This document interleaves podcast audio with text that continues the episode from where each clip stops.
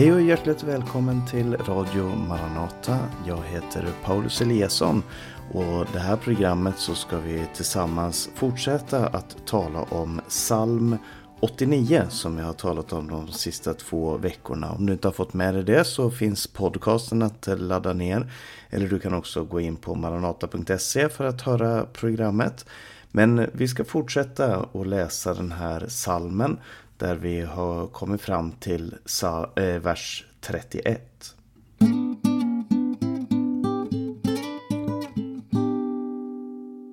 Innan vi läser eh, dagens text så ska jag först också säga eh, ge en liten rekapitulation av det som vi har läst. Det vi har talat om är alltså att eh, Esraiten Etan som är författare av det här brevet, han har sagt att han ska sjunga om Herrens nådegärningar och hans trofasthet. Och jag presenterar de här två begreppen på hebreiska. Där nådegärningar heter chesed som betyder ungefär eh, lojal kärlek eller barmhärtighet som man visar mot någon därför att man står i förbund med den personen. Och det andra är trofasthet som, som på hebreiska heter emona. Som handlar om Guds, eh, att Gud är sann mot det han har sagt. Att han är trofast, att han uppfyller det han har sagt. Och så att vi har det här uttrycket också i vårt uttryck Amen. Eh, att någonting är sant. Och analysen här är att eh, eh, allt som är i himlen, det lovar Herren. Gud är, är stor över alla, över alla gränser. Men också att Gud har gett ett löfte och det löftet har han gett till en människa, människan David som var kung i Israel ungefär tusen år före Kristus. Och han gav ett löfte till honom att han, skulle, han alltid skulle ha någon på sin tron, att han skulle ha en, en tron som skulle bestå i evighet. Eh, vers 21 säger jag, säger Herren, har funnit min tjänare David och smort honom med min heliga olja. Min hand ska stödja honom, min arm ska styrka honom, ingen fiende ska plundra honom och så vidare. Och det verkar som att det här är en, en trygghet då som man har, att Gud har lovat någonting, Gud ska hålla det. Och så säger Gud, han ska låta hans ett bestå i evighet och hans tron så länge himlen är till. Så kommer den eh, 31 versen som vi ska börja läsa här, eh, vers 31 till 35. Om hans barn överger min undervisning och inte följer mina befallningar. Om de bryter mina lagar och inte håller mina bud, då ska jag straffa deras brott med ris och deras synd med plågor. Men min nåd ska jag inte ta ifrån honom, jag ska inte svika min trofasthet, jag ska inte bryta mitt förbund, det mina läppar har sagt ska jag inte ändra. Så här finns det här stora ommet. Och här har vi väl kanske det stora problemet.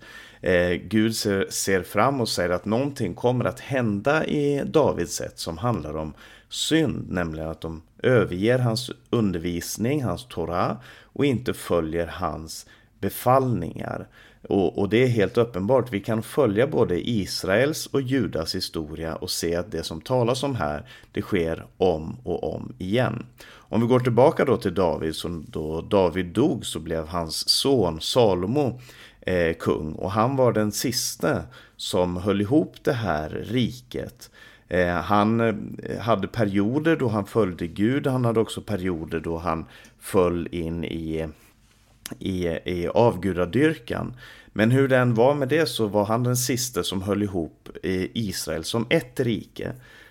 Under hans son Rehabiam så delas riket i två och Rehabiam han blir kung i syd där han framförallt var kung över Juda Eh, stammen och Benjamin stammen.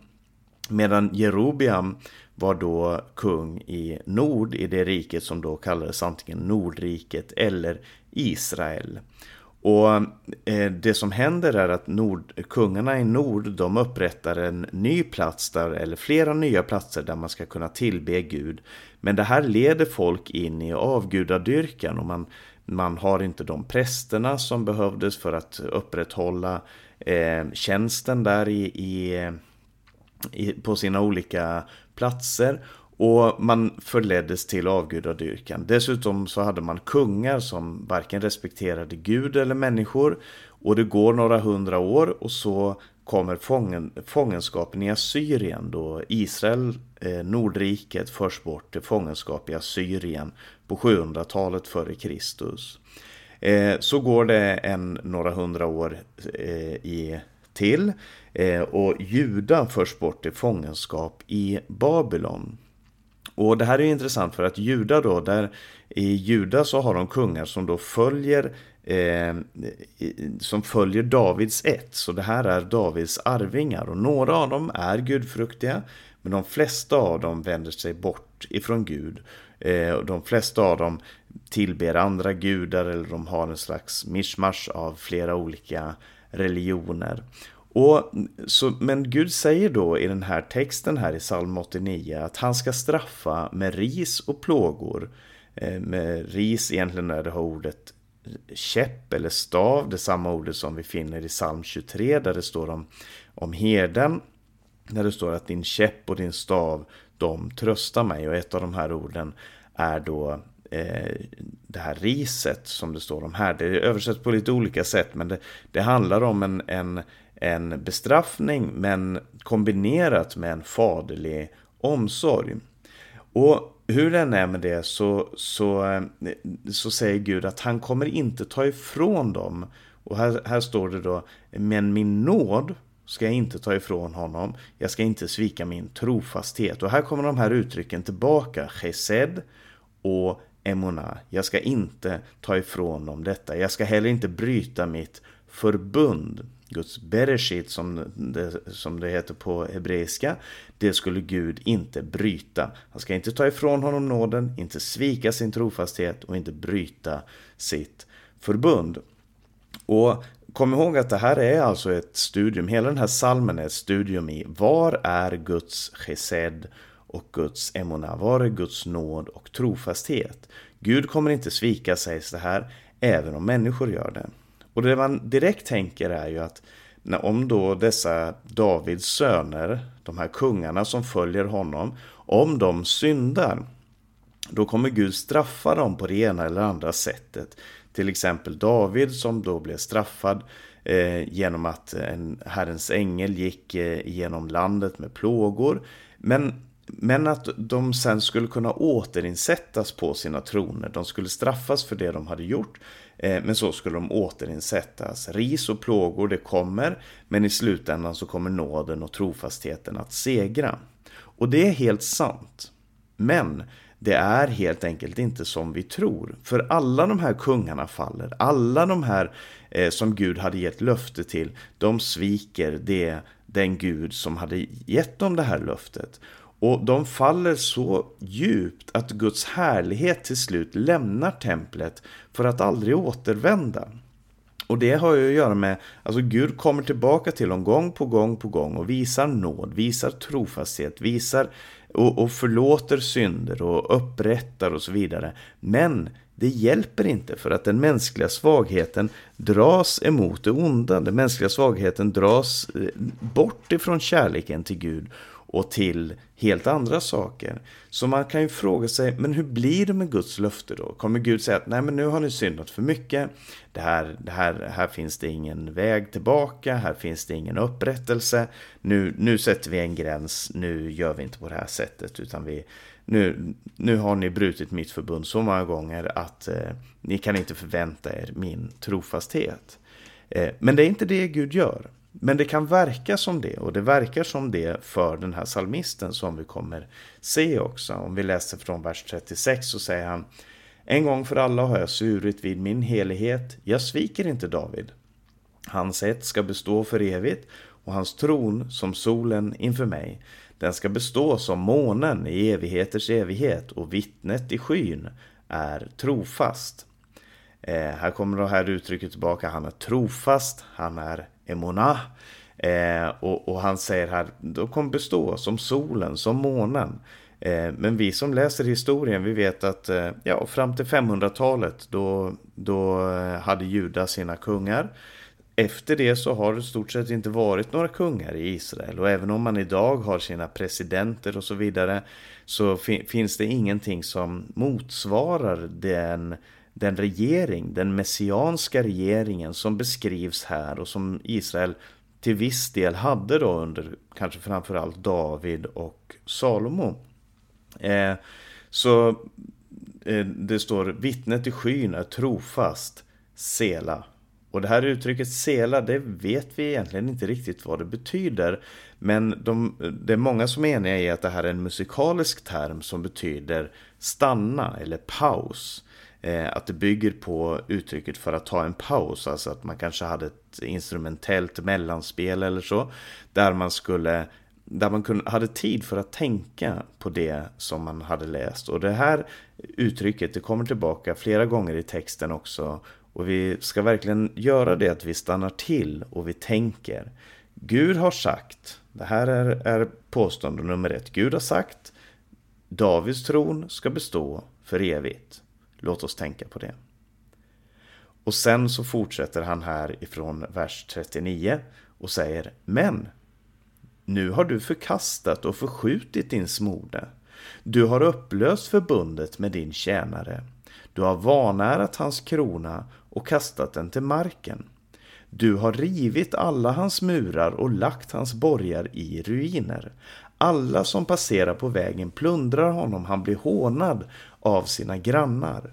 Du lyfte hans motståndares högra hand, du lät hans fiender jubla.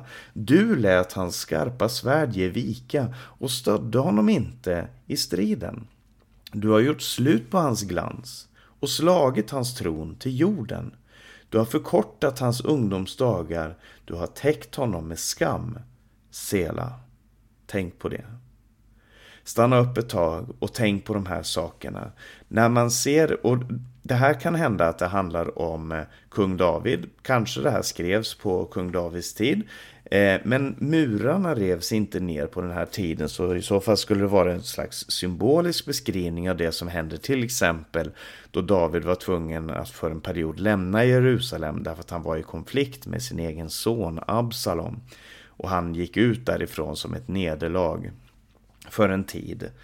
Eh, så det kan vara det som är bakgrunden till det här. Men kanske det är profetiskt så att, eh, så att eh, författaren då eh, Etan han, han skriver det här för att beskriva någonting som skulle hända. Eller så är det författare på, eh, så är Etan en senare författare på eh, Eh, den tiden då Jerusalem verkligen blev förstört samtidigt som profeten Jeremia ungefär på 500-talet före Kristus då staden blev förstörd, då murarna revs ner, då templet förstördes och mycket av folket fördes bort till fångenskap i eh, Babylon.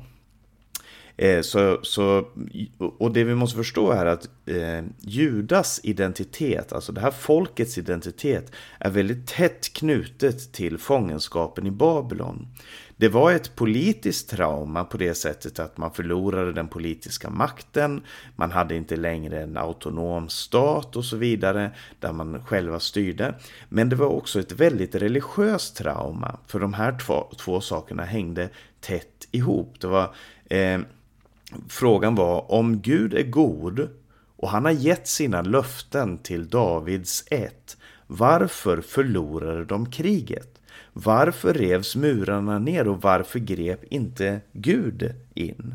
Så istället för att de går till eh, angrepp på Babylon som man kunde ha gjort och som eh, görs i vissa sammanhang då säger liksom varför har du gjort det här? Du är orättfärdig kung i Babylon. Men istället så, så vänder man sig till Gud och säger men du har förkastat och förskjutit ens moder. Du har upplöst förbundet. Du har rivit murarna.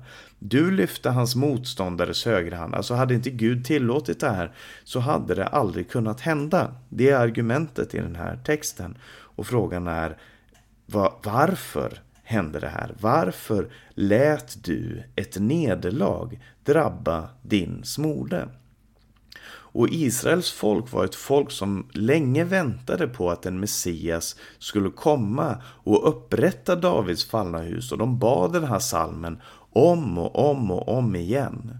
Och eh, på Jesu tid, om vi går fram till eh, tiden runt Jesu födelse, så fanns det också många eh, Messias-pretendenter, många som menade sig själv ha den här rollen, att de skulle befria folket ifrån det som då var den romerska makten som ockuperade landet. Eh, landet hade ju efter Babylon upplevt den, det grekiska riket med Alexander som ockuperade landet. Eh, de släkterna som kom efteråt med Ptolemaios och de här. Och nu på Jesu tid så var det romarna som, som var eh, härskare och ockupanter. Och fr frågan som, som människor ställde sig då var, var är den här Messias som Gud har lovat ska komma? Och det var flera då som trädde fram och sa här är jag, jag, jag är Messias, följ mig, vi ska starta ett uppror och de var mer eller mindre religiösa och politiska. Så på det sättet så var inte Jesus unik i sin samtid när han trädde fram och kallade sig själv för Människosonen och talade om Guds rike. Eh, men Jesus var unik därför att hans undervisning inte byggde på de typiska förståelserna av hur Messias skulle vara. Jesus samlade inte eh, soldater, han eh, tog inte upp svärd, han startade inte en revolution på det sättet, utan han talade till de enkla i folket. Han talade om att offra sig själv, han talade om att eh, vända andra kinden till. Han talade om att gå en extra mil och så vidare. Och Så han var väldigt unik när Jesus, eh, när Jesus kom. Men, men frågan är fortfarande den här. Vad, eh, varför har det här hänt med Guds Messias? Varför eh, skulle man gå runt och vänta på att Messias skulle komma. Varför upprättade inte Gud det som han hade lovat? Och det fanns då en förväntan ibland folket. Och den här förväntan den fanns också hos Etan som skrev psalm 89. Om vi läser från vers 47 så står det Hur länge, Herre, ska du hålla dig helt dold? Hur länge ska din vrede brinna som eld? Tänk på hur kort mitt liv är, hur förgängliga du skapat alla människors barn. Vem kan leva och slippa se döden? Vem kan rädda sin själ från dödsrikets våld? Sela. Herre, var är dina nådegärningar från förr? Din, eh, din chesed från förr, som du lovade David med ed i din trofasthet, din emona. Herre, tänk på dina tjänares vanära, vad jag bär inom mig från de många folken, hur dina fiender hånar, Herre, hur de hånar din smordes fotspår. Välsignad är Herren i evighet. Amen. Amen. Det är hela det här kapitlet och med det så slutar faktiskt den tredje boken i eh, Saltaren. Saltaren är indelad i fem böcker och det här är avslutningen på den tredje boken. Herre, tänk på dina tjänares vanära. Det påminner väldigt mycket om eh, Eh, hur Esra och Nehemja slutar, kanske framförallt Nehemja, där han säger Herre tänk på att jag i alla fall har försökt. Tänk på att eh, jag eh, den, den, den eh, avundsjuka som jag känner för, ditt, eh, för din sak. Men han var också i den här hopplösa situationen där det inte fanns någon ordning, där det inte fanns någon... Eh, det, det hade inte lett fram till någonting. Utan glansen var borta. Eh, kronan var borta ifrån, ifrån folket och Gud hade tillåtit det här att hända. Och eftersom Gud hade tillåtit det att hända så var det också till Gud man vände sig för att få svar på sina frågor. Och en av de här frågorna som man frågade det var Hur länge Herre? Hur länge ska du hålla dig dold? Hur länge ska din vrede brinna som eld? Och hur ska ditt folk klara av att ta emot den här vreden? Alltså du sa att du skulle straffa deras brott med ris och deras synd med plågor. Men är synderna så stora?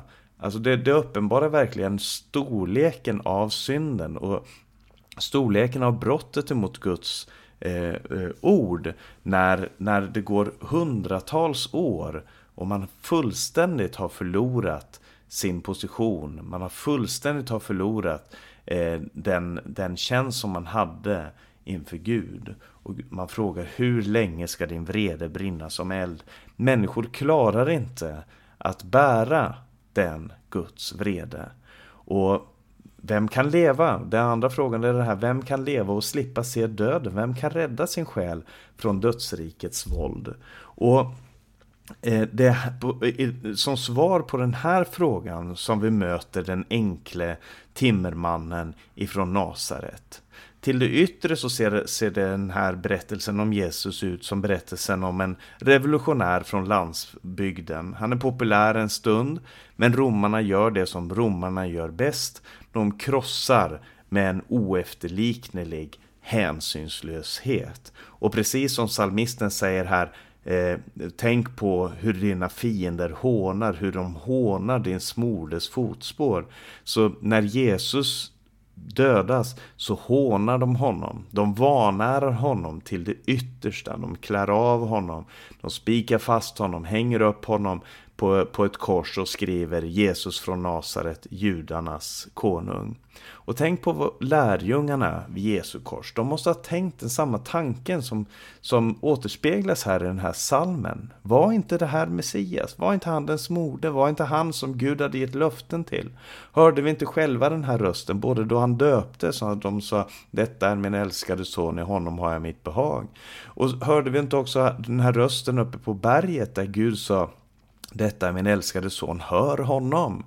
Eh, vad, vad, är anledningen att vi nu står här vid det här korset och ser honom dö? Det finns inget stopp på den här ondskan. Och anledningen är just det som står i vers 32-33. Om de bryter mina lagar och inte håller mina bud, då ska jag straffa deras brott med ris och deras synd med plågor. Allt folkets synd, all den synd som människor har gjort, den var det som Jesus tog på sig då han dog. Hans, våra brott och våra, våra eh, lagbrott, vår synd, den bar han genom att han plågades, genom att han straffades för vår synd, genom att han hängdes upp på ett kors. Så svaret på frågan hur länge, det är fram till Jesus Kristus. Och svaret på frågan vem kan leva och slippa se döden, vem kan rädda sin själ från dödsrikets våld, det är också Jesus. Den här salmen, den slutar med en slags spänning, den slutar med den här frågan, Herre, var är dina nådegärningar? Var är det som du lovade David med trofasthet? Var är din chesed och var är din emona? Och så säger han Sela. Tänk på det här. Stanna till och tänk på det här. Och salmen slutar med den här spänningen. Ja, välsignad är Herren i evighet. Amen, amen. Och med de här orden så slutar den tredje boken i Saltaren. Och det är det enda vi har att klamra oss till. Varenda de hade att klamra sig till, det var det som Herren hade lovat. Det är lite som det står om i Hebreerbrevet om Abraham då han fick det här budet ifrån Gud att han skulle offra sin son. Något så fruktansvärt, något så omänskligt, något så oförståeligt. Men det står han räknade med att Gud hade makt att ge honom tillbaka ifrån de döda, att Gud kunde uppväcka honom ifrån de döda. Han såg inte döden som den slutliga makten och därför hade han tro till Gud. Och var är Guds chesed och emona i löftet som han gav till kung David? Jo, den finner vi vid den tomma graven. I Jesu uppståndelse, där finner vi svaret på den fråga som psalm 89 har ställt till oss. Vem kan leva och slippa se döden? Jo, Guds Messias. Vem kan rädda sin själ ifrån dödsrikets våld? Jo, Jesus ifrån Nasaret. Herre, var är dina nådegärningar från förr som du lovade David med din ed i trofasthet? Jo, de är vid den tomma graven. är vid, vid korset på blod, eh, vid, vid, vid blodet som rann ifrån korset, där finner du Guds nåd och trofasthet. Vid den tomma graven, där finner du Guds nåd och trofasthet. Och i det faktum att Jesus steg upp igen till himmelen och satte sig på Faderns högra sida. Där finner du Guds chesed och Emona. Det är svaret på frågorna som alla människor har ställt sig. Det är därför vi sjunger Jesus är svaret för vår värld idag. Och i Johannes kapitel 1 och vers 17 så står det så här. Lagen gavs genom Mose. Nåden och sanningen kom genom Jesus Kristus. Och uttrycket nåden och sanningen här det, det bygger på de här uttrycken eh, chesed och emona. Emona betyder trofast eller, eller sann helt enkelt. Eh, och, och nåd det, det hebreiska ordet, nu det här skrivet på grekiska i Johannes kapitel 1, men det bygger på de här två orden. Eh, nåden och sanningen, Guds chesed och emona, blev presenterat genom Jesus Kristus. Och det är därför det är så stort att se den här salmen eh, Dels ifrån det ljus som de hade på den tiden, alltså den längtan som man hade när man skrev den här, om den nu skrevs samtidigt med David eller om den skrevs senare, kanske under fångenskapen i Babylon eller efter den. Oavsett när, så det här eh, är de avslutande orden i den tredje boken i Saltaren och det enda man har att hoppas på, det enda man har att åberopa, det är Välsignad är Herren i evighet. Hans nåd och hans trofasthet. Även fast de inte kunde se det så eh, klamrade de sig fast vid det här och sa att ja, men Gud är nåderik, Gud är trofast, vi måste vänta på honom. Och vi behöver lära oss den samma lektionen. Men vi behöver också lära oss att när vi ropar efter Guds nåd och Guds trofasthet så kommer Gud alltid att peka på en enda plats och det är på Golgata. I det blod som rann där finner du Guds nåd och trofasthet. I den tomma graven finner du Guds nåd och trofasthet. Uppståndelsen är Guds svar. Amen.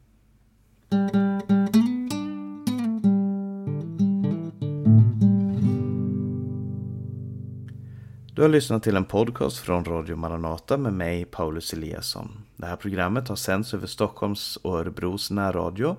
Sprid gärna de här programmen till andra också. Om du har några frågor eller kommentarer omkring programmet så skicka gärna en e-post till info.maranata.se eller ring 070-201 60 20. På vår hemsida maranata.se så kan du höra programmen, läsa tidningen Minasropet och du kan se Radio Maranatas övriga sändningstider. Sprid Guds välsignelse till alla du möter och vi hörs igen om en vecka.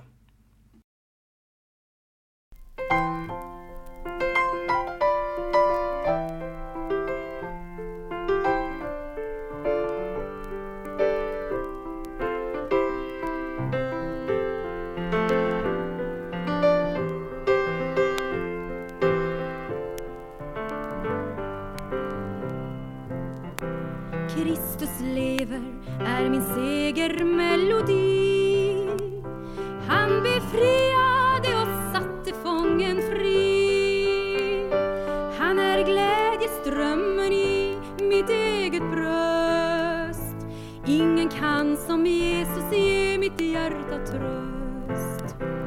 Han mig fött på nytt med livskraft ifrån Gud.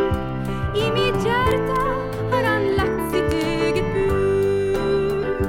Anden ropar i mitt inre Abba far och min frälsare i himlen ger mig svar. Jag fick följa Jesus ner i dopets grav skilts från världen genom detta hav. Främling är jag nu och hör Guds rike till. Och min lag är göra det som Jesus vill.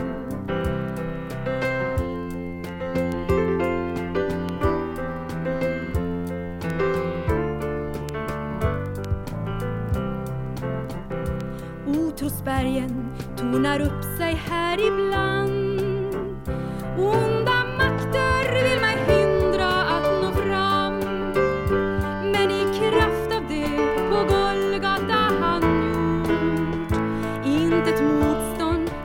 Kristus bli för stort. Står du tråkad vid ett meningslöshetstorg? Han tar bort din oro, rastlöshet och